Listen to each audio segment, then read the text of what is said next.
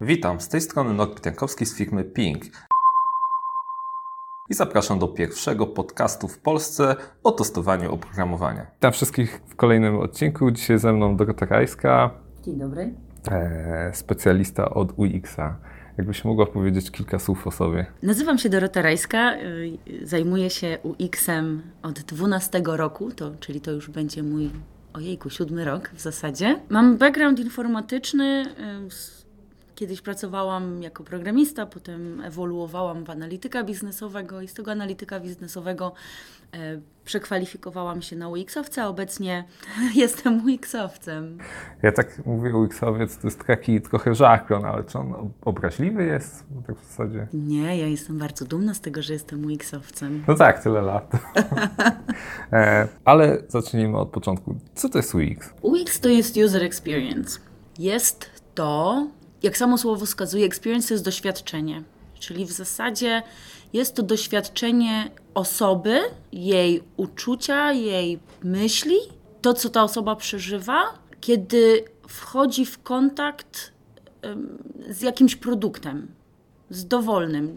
I dla mnie to jest właśnie bardzo ważne, że to są odczucia tej osoby. To nie jest żadna rzecz, którą można nam mm, dotknąć. Tak jak to ktoś ładnie powiedział, to nie jest coś, co można upuścić sobie na palce, na stopę. Czyli używamy czegoś i to, co myślimy na ten temat, to, co czujemy w danym momencie, to jest experience nasz. Bo takie dwa najczęściej spotykane obok siebie, niektórzy to robią łamane na, to jest UX obok UI. I czym to się różni? UI, czyli User Interface, jest rzeczą. E, Jest, jest czymś no, na, na tyle, na ile e, software może być namacalny, jest rzeczą namacalną, ale też dotyczy to produktów takich fizycznych, czyli mm, jest to zbiór rzeczy, które umożliwiają użytkownikowi wykonać pewne funkcje z, danym, z daną rzeczą, a, a konkretnie wykonać funkcję tego produktu. Schodząc do software'u, jest to ekran aplikacji, kompu- programu komputerowego i wszystko, co na nim widzimy, wszystko, co możemy na nim zrobić. To jest user interface. Natomiast co się znajduje na tym user interface'em, jest wynikiem pracy UX-owców, czyli projektantów, ale też badaczy, też grafików, tak naprawdę sztabu ludzi. Bo bardzo często się spotyka takie mylne postrzeganie tego, że to i to to jest to samo. No nie, to, to, to nie jest to samo. To, to tak jakby ktoś porównał, że y, nie wiem nawet do czego to. To, to kompletnie nie jest to samo. Znaczy, bo kilka lat temu jeszcze UX nie był taki mm, popularny, tudzież rozpoznawany w Polsce, więc e, te określenia bardzo się mieszały ze sobą i dużo osób w ogóle traktowało to jako jedność. To jest trochę tak. Chcemy zbudować jakiś produkt, chcemy zbudować jakiś software i my wiemy, co ten software ma robić. I my myślimy, że on będzie działał tak i tak i tak. I, I że ten interfejs musi mieć takie pola, takie guziki, tak musi wyglądać. I wtedy ludzie będą e, mogli kupić buty, wykonać przelew, zapłacić za czynsz. Prawda jest taka, że ci ludzie, którzy to muszą zrobić, mogą mieć zupełnie inne zdanie na ten temat. Mogą nie zauważać pewnych rzeczy, które my, jako projektanci, wiemy, że tam są, bo my je tam stawialiśmy.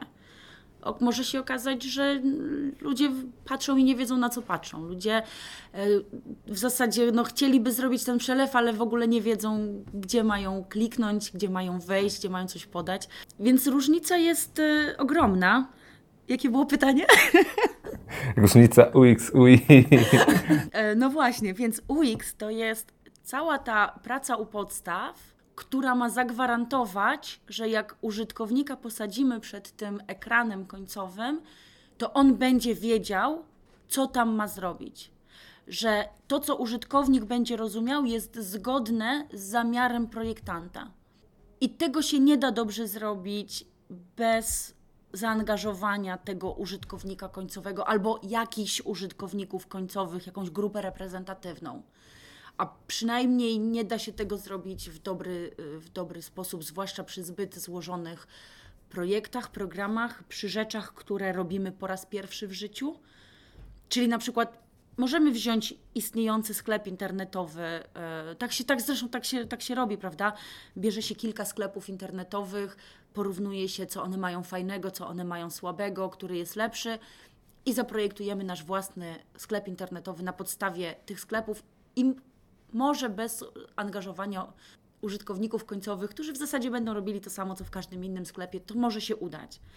Ale ja na przykład w tej chwili projektuję software, który po prostu nie istniał dla bardzo wąskiej dziedziny biznesowej.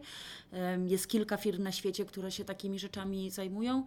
I ja nie mam pojęcia, co ci ludzie, w jaki sposób oni będą z tego korzystać, więc nawet nie odważyłabym się dać czegoś deweloperom, żeby zbudowali, bez dobrej współpracy z prawdziwymi użytkownikami końcowymi, żeby oni na pewno sprawdzili, czy to, co ja zrozumiałam z tego, co oni potrzebują, czy to się pokrywa z tym, co oni i z ich wyobrażeniem na ten temat i no, z tym, żeby oni potrafili z tego skorzystać. Bo to, że to działa, to wcale nie gwarantuje, że ktoś z tego będzie potrafił skorzystać. I myślę, że to jest takie, dla mnie przynajmniej, to jest takie bardzo kluczowe. Ty już wspomniałaś o tym, że mm, pewne rzeczy trzeba jakby zaprojektować, zanim one w ogóle trafią do programistów.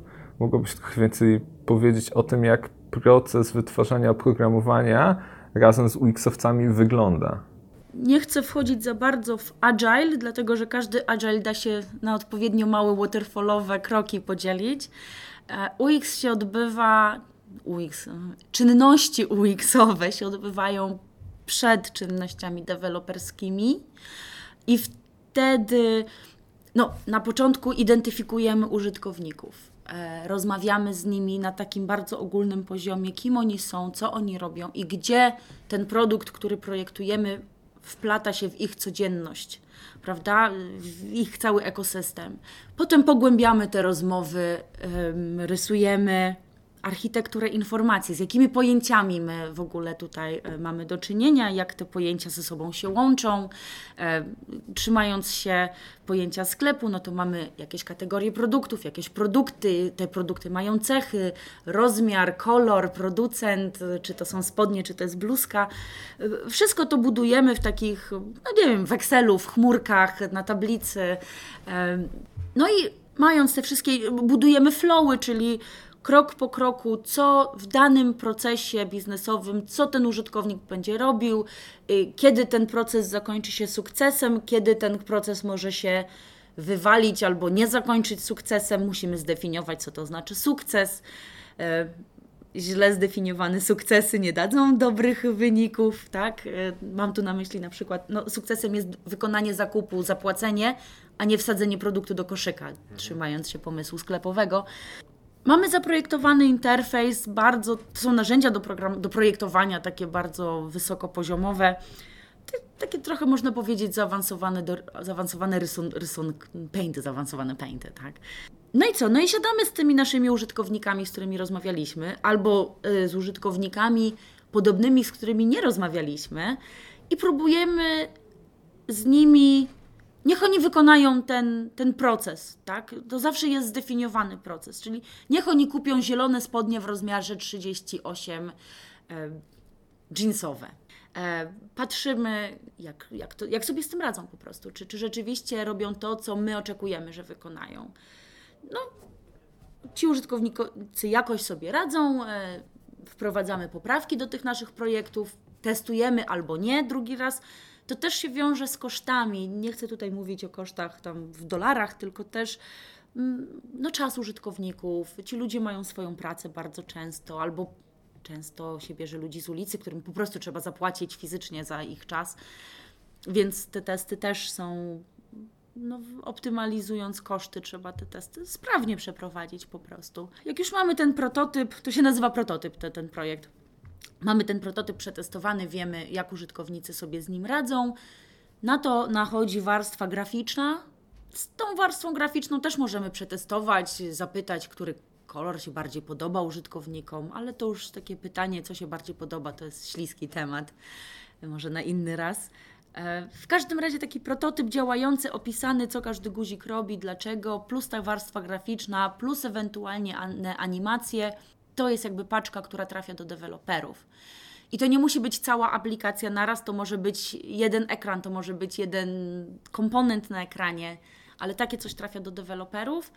No i potem użytkownik, e, przepraszam, potem UX-owiec jest o tyle zaangażowany, że papier przyjmie wszystko, jak to się mówi. I nie, nie zawsze to się da y, zbudować tak, jak to było zaprojektowane. Oczywiście deweloperzy są konsultowani wcześniej, przynajmniej tak byłoby idealnie, żeby nie zaprojektować czegoś, czego się nie da zbudować albo co będzie bardzo kosztowne. No i są te interakcje takie trochę tu, trochę tam. No i co? I, tak naprawdę prawdziwy UX wchodzi wtedy, kiedy produkt już trafi na rynek, na produkcję tak zwaną, kiedy prawdziwi użytkownicy są.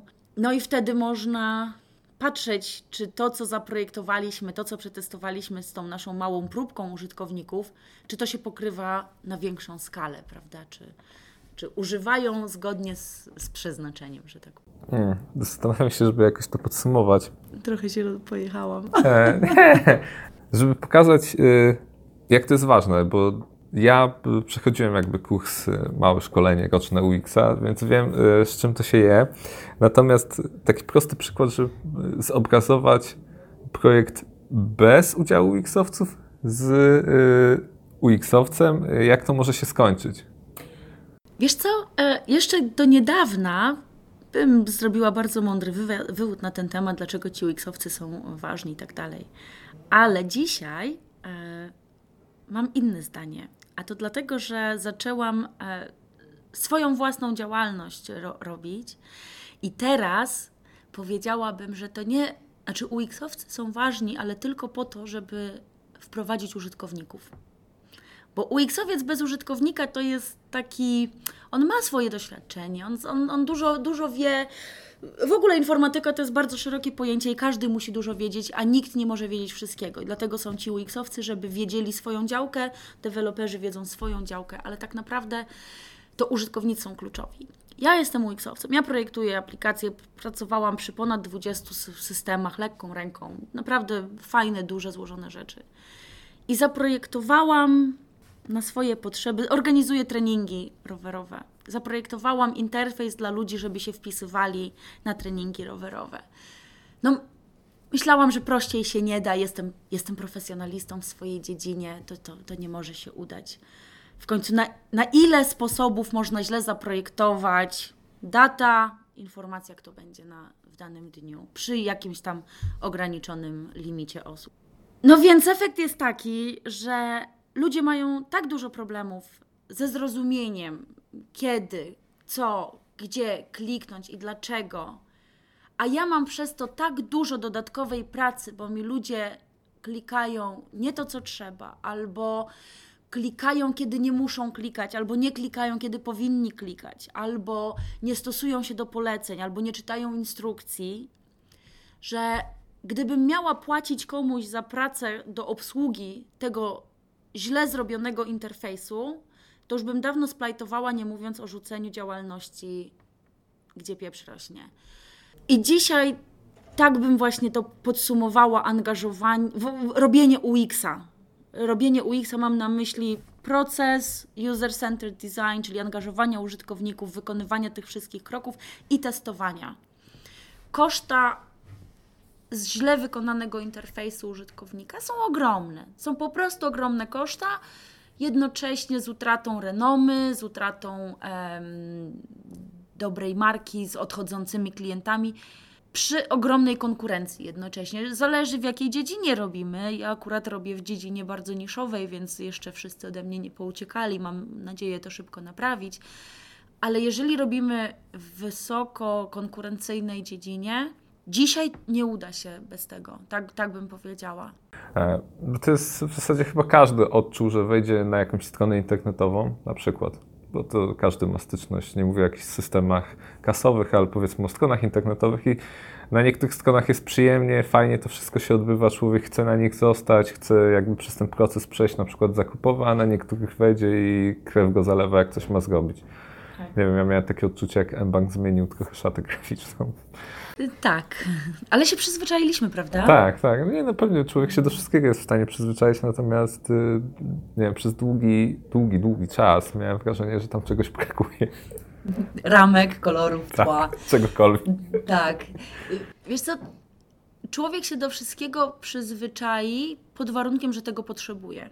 Żyjemy w coraz na szczęście zamożniejszym środowisku i ludzie, którzy, którzy kupują w internecie. Ja wiem, ja, nie, nie wszyscy są tacy, tacy sami oczywiście, ale e, ja już zauważyłam po sobie, że wybieram te sklepy internetowe, w których się kupuje przyjemnie, które mają. E, łatwą, bezproblemową obsługę zwrotów i w ogóle nie marnuję czasu na wchodzenie po sklepach, gdzie ten interfejs aż bije po oczach. Nawet jeżeli miałyby tam być lepsze ceny, bo ja nie spędzę czasu porównując tych cen. Bo dla mnie czas stracony na szukanie tańszej oferty nie jest wart tego, że ja zapłacę trochę więcej. I nie wiem, jak ja się mam do normy społeczeństwa, ale wiem, że jest kilka sekund, zanim człowiek zdecyduje, że, czy zostanie na stronie, czy nie zostanie. Nie jestem ekspertem od e-commerce'u, ale takie, takie, takie rzeczy słyszałam w branży, tak?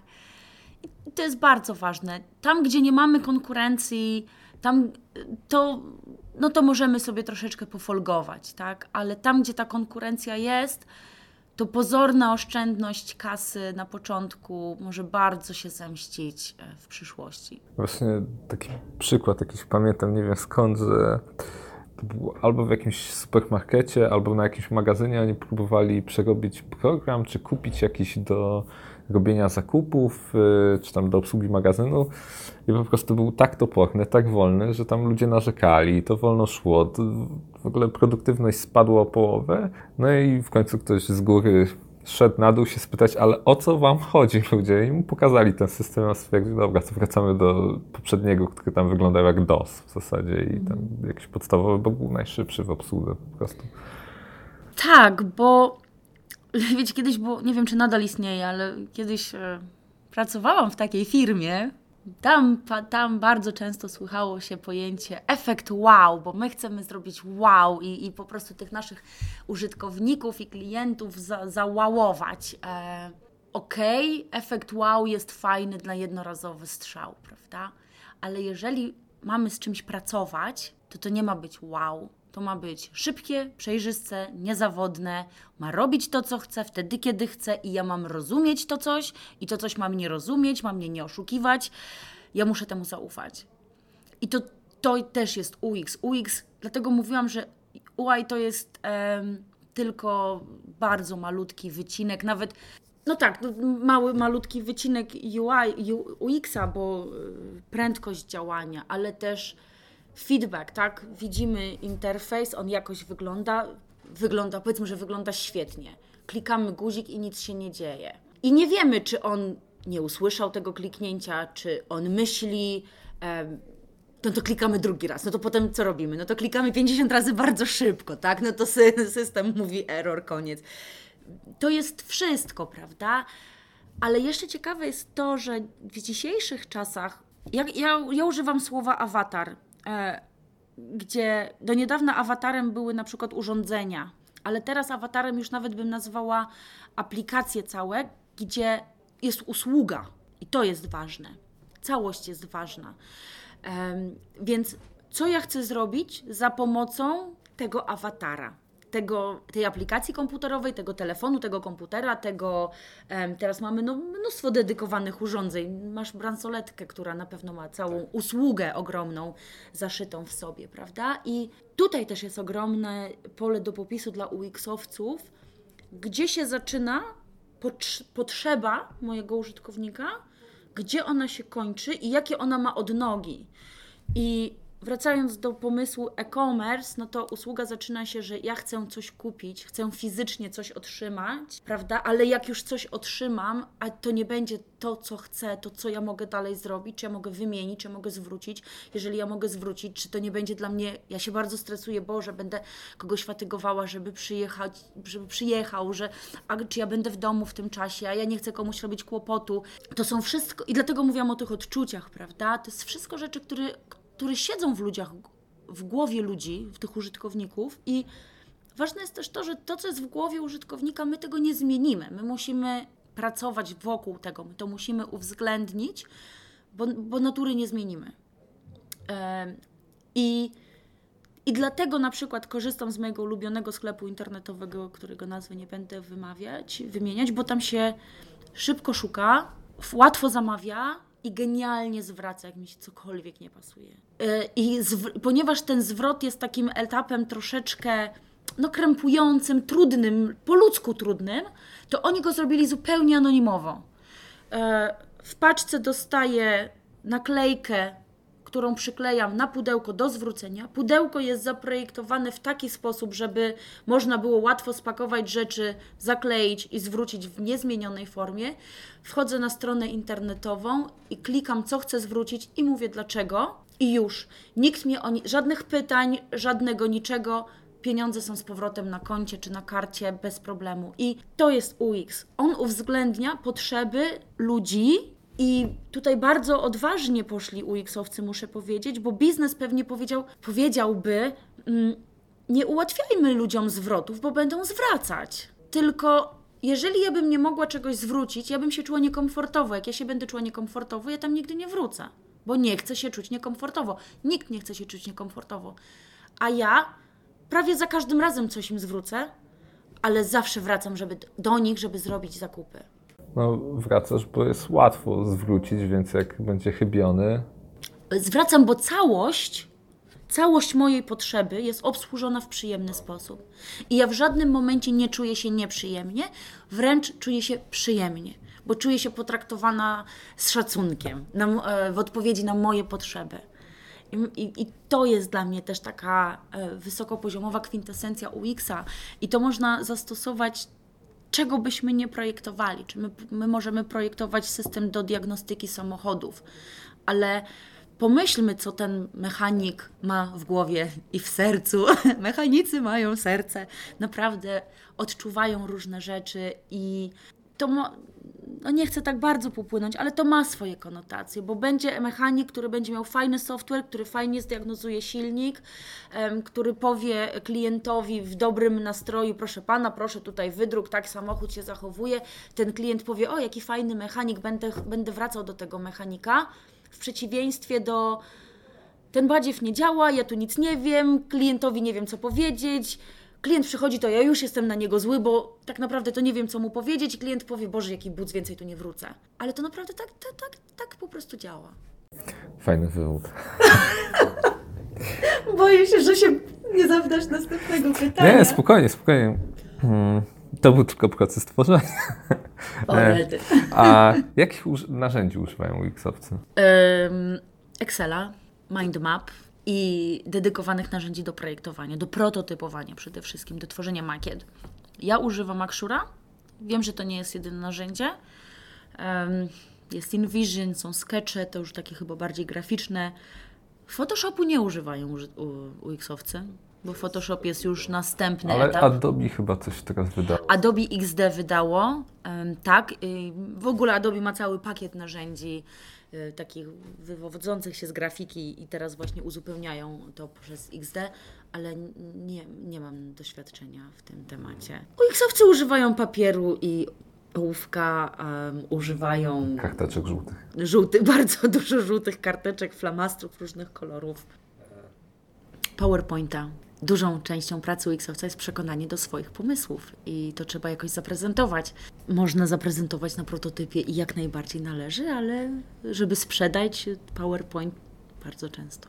E, Czyli, jeszcze, poczekaj, jeszcze wracając do tego procesu, bo to jest tak, najpierw jest jakaś potrzeba, którą widzi biznes, później ktoś to przekuwa w e, dokumentację, wymogi, podobne rzeczy. E, Gdzieś właśnie w tym momencie, gdzie już jest ta dokumentacja powiedzmy prawie zamknięta lub e, już w, w niewielkim stopniu brakuje jej do zamknięcia, i wszyscy wiedzą, że z branży IT, że to jest Czyli nieprawda. chcesz powiedzieć, że już jesteśmy po tym etapie, kiedy produkt został na, wdrożony na produkcję, tak? E, Dokumentacja w każdym razie w, w IT cały czas się tworzy. Ona nigdy nie jest zamknięta, natomiast gdzieś tam jak już jest taki draft solidny, pod którym większość osób może się podpisać, to właśnie tam wchodzi mniej więcej UX, żeby doprecyzować, zobaczyć. Nie, nie. E, jak się zaczyna, jak się zacznie, jak się próbuje nadać kształt jak się spróbuje narysować ekran odpowiadający na wymagania, to nagle wyskakują, odkrywa się, że to, co dało się napisać słowem pisanym, nie do końca się sprawdza jako UI. I analogicznie zaczynasz coś rysować i um, to się wszystko wydaje ok. Jak chcesz to opisać, różne przypadki, nagle się okazuje, kurczę, nie obsługuje tego i tego i tego. To jest bardzo powiązany proces. I ta dokumentacja, to, to się tworzą jednocześnie. Ja lubię myśleć e, w postaci deliverabli, przepraszam za polskie piękne nowe słowo, nie znam lepszego, ale mm, ja lubię o procesie UX-owym pomyśleć, co ma być wyprodukowane na końcu tego etapu procesu, tak? Bo, tak? Że tworzymy persony, jest jakiś proces do stworzenia person, ale to jest jakby templatka persony i to chcemy uzyskać. E, tworzymy makietę, no to wiemy, kim jest, czym jest makieta, tak? Jest to na niby aplikacja klikalna, ruchoma, ale jeszcze nie kolorowa. Natomiast aplikacja działa na, pod, na jakiejś podstawie, według jakichś reguł, te reguły są spisane, to jest właśnie ta dokumentacja. I to i, i aplikacja bazuje na personach, i jeszcze tam są gdzieś flowy to wszystko powstaje tak naprawdę w tym samym czasie w wyniku wielu rozmów, a, albo przynajmniej idealnie, żeby to tak powstawało, ale na pewno jedno wpływa na drugie. Okej, okay. to chciałem właśnie tak doprecyzować, gdzie to powstaje ta piękna dokumentacja. Usability testing. Usability testy to oddzielmy testy jakościowe testów ilościowych. Testy ilościowe po prostu statystyka klikania, gdzie ludzie klikają, ewentualnie jakieś śledzenie oczu ale powiedzmy o testach jakościowych, gdzie tester to nie musi być projektant, a nawet lepiej, żeby to nie był projektant, siada jeden na jeden z osobą testowaną. Mogą być takie wieloosobowe testy. I według wcześniej zdefiniowanego scenariusza próbuje wykonać dane zadanie. Czyli to jest zawsze, na pod... zawsze jest jakiś cel określony nie ma czegoś takiego, o, usiądź sobie, poklikaj. To w ogóle nie o to chodzi. Jest cel, aplikacja ma spełniać pewne funkcje, każdą tych, nie każdą z tych funkcji, ale te kluczowe funkcje próbujemy przetestować. Najlepiej, żeby je przetestować na kilku osobach. To musi być, to jest tak jak prowadzenie badań po prostu, tak? Tezą jest prototyp, to jest teza, jest scenariusz protokół badania i są potem wnioski, tak? I patrzymy krok po kroku, gdzie człowiek się wysypał, co zrobił dobrze. Na koniec możemy zapytać, jak oceniasz, czy to jest fajne, czy to jest trudne, są różne są metody. No ważna rzecz, ważna rzecz z tego, co mówiłam, z tym, z tym są moją działalnością, gdzie ja tego nie zrobiłam i w zasadzie teraz mi to wychodzi w praniu, gdzie koszty obsługi tego są ogromne. Ja z drugiej strony te, też nie za... Chociaż mogłam zrobić te testy w sumie. No ryzyko nierobienia testów, ja się przekonuję na własnej skórze, je, jest kosztowne po prostu. To nawet nie jest ryzyko. Chociaż może być ryzyko, ale je, jest to kosztowne.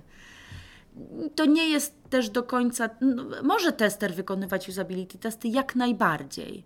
Tylko właśnie y, ważne, żeby to było według scenariusza i żeby można było z tego jakieś sensowne wnioski wyciągnąć, żeby wiedzieć, co poprawiać.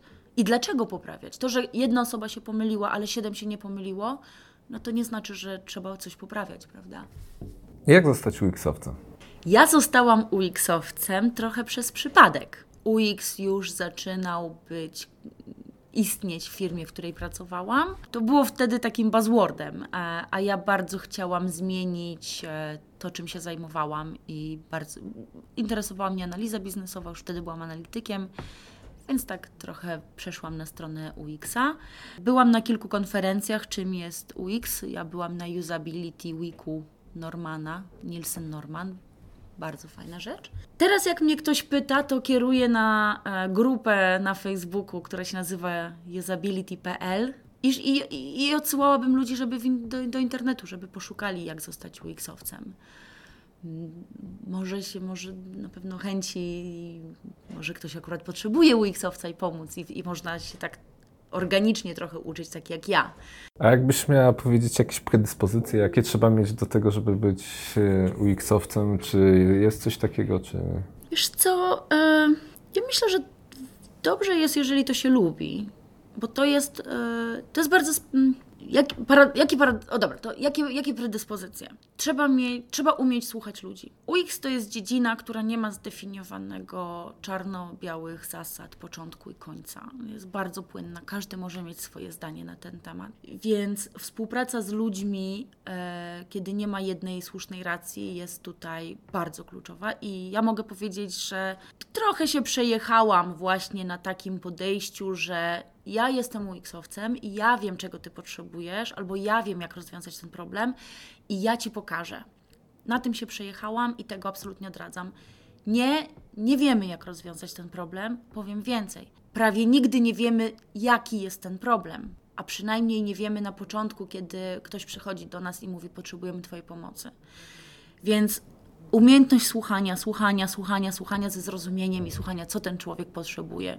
Następnie umiejętność jasnego wyrażania swoich pomysłów. Jak narysujemy coś, to musimy potrafić to wytłumaczyć. Umiejętność analitycznego myślenia i klarownego przedstawiania skomplikowanych pomysłów.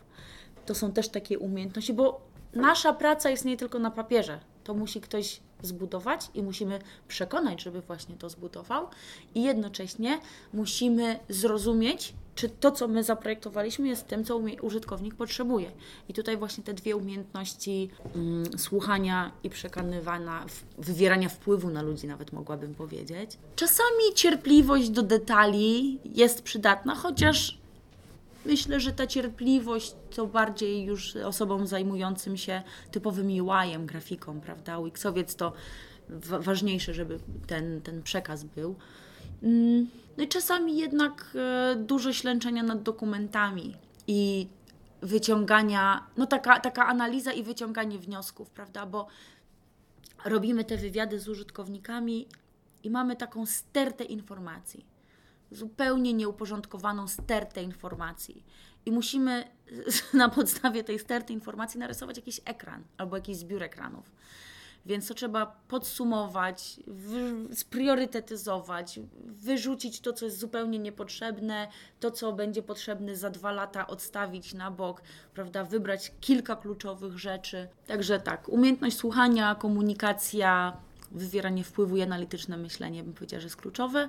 Narzędzie się da radę nauczyć każdego, nie trzeba umieć rysować. Potem to już jest warsztat, prawda? Reszta to już jest warsztat, to to się da tego nauczyć, douczyć, doszkolić. Jakaś taka ciekawość, myślę, ciekawość świata e, jest przydatna, bo to chyba dotyczy ogólnie branży IT, że e, trochę ja, ja, ja, ja lubię myśleć, że informatycy czy deweloperzy to trochę taka rola jak aktor, nie?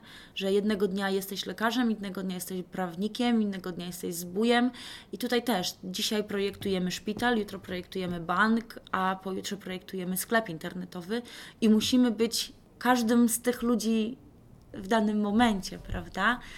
I często trzeba dosyć głęboko wejść w każdą tą dziedzinę, żeby właśnie dobrze zrozumieć więc taka ciekawość świata też jest potrzebna. Co jeszcze zadam takie ostatnie pytanie. E, kogo ciężej przekonać?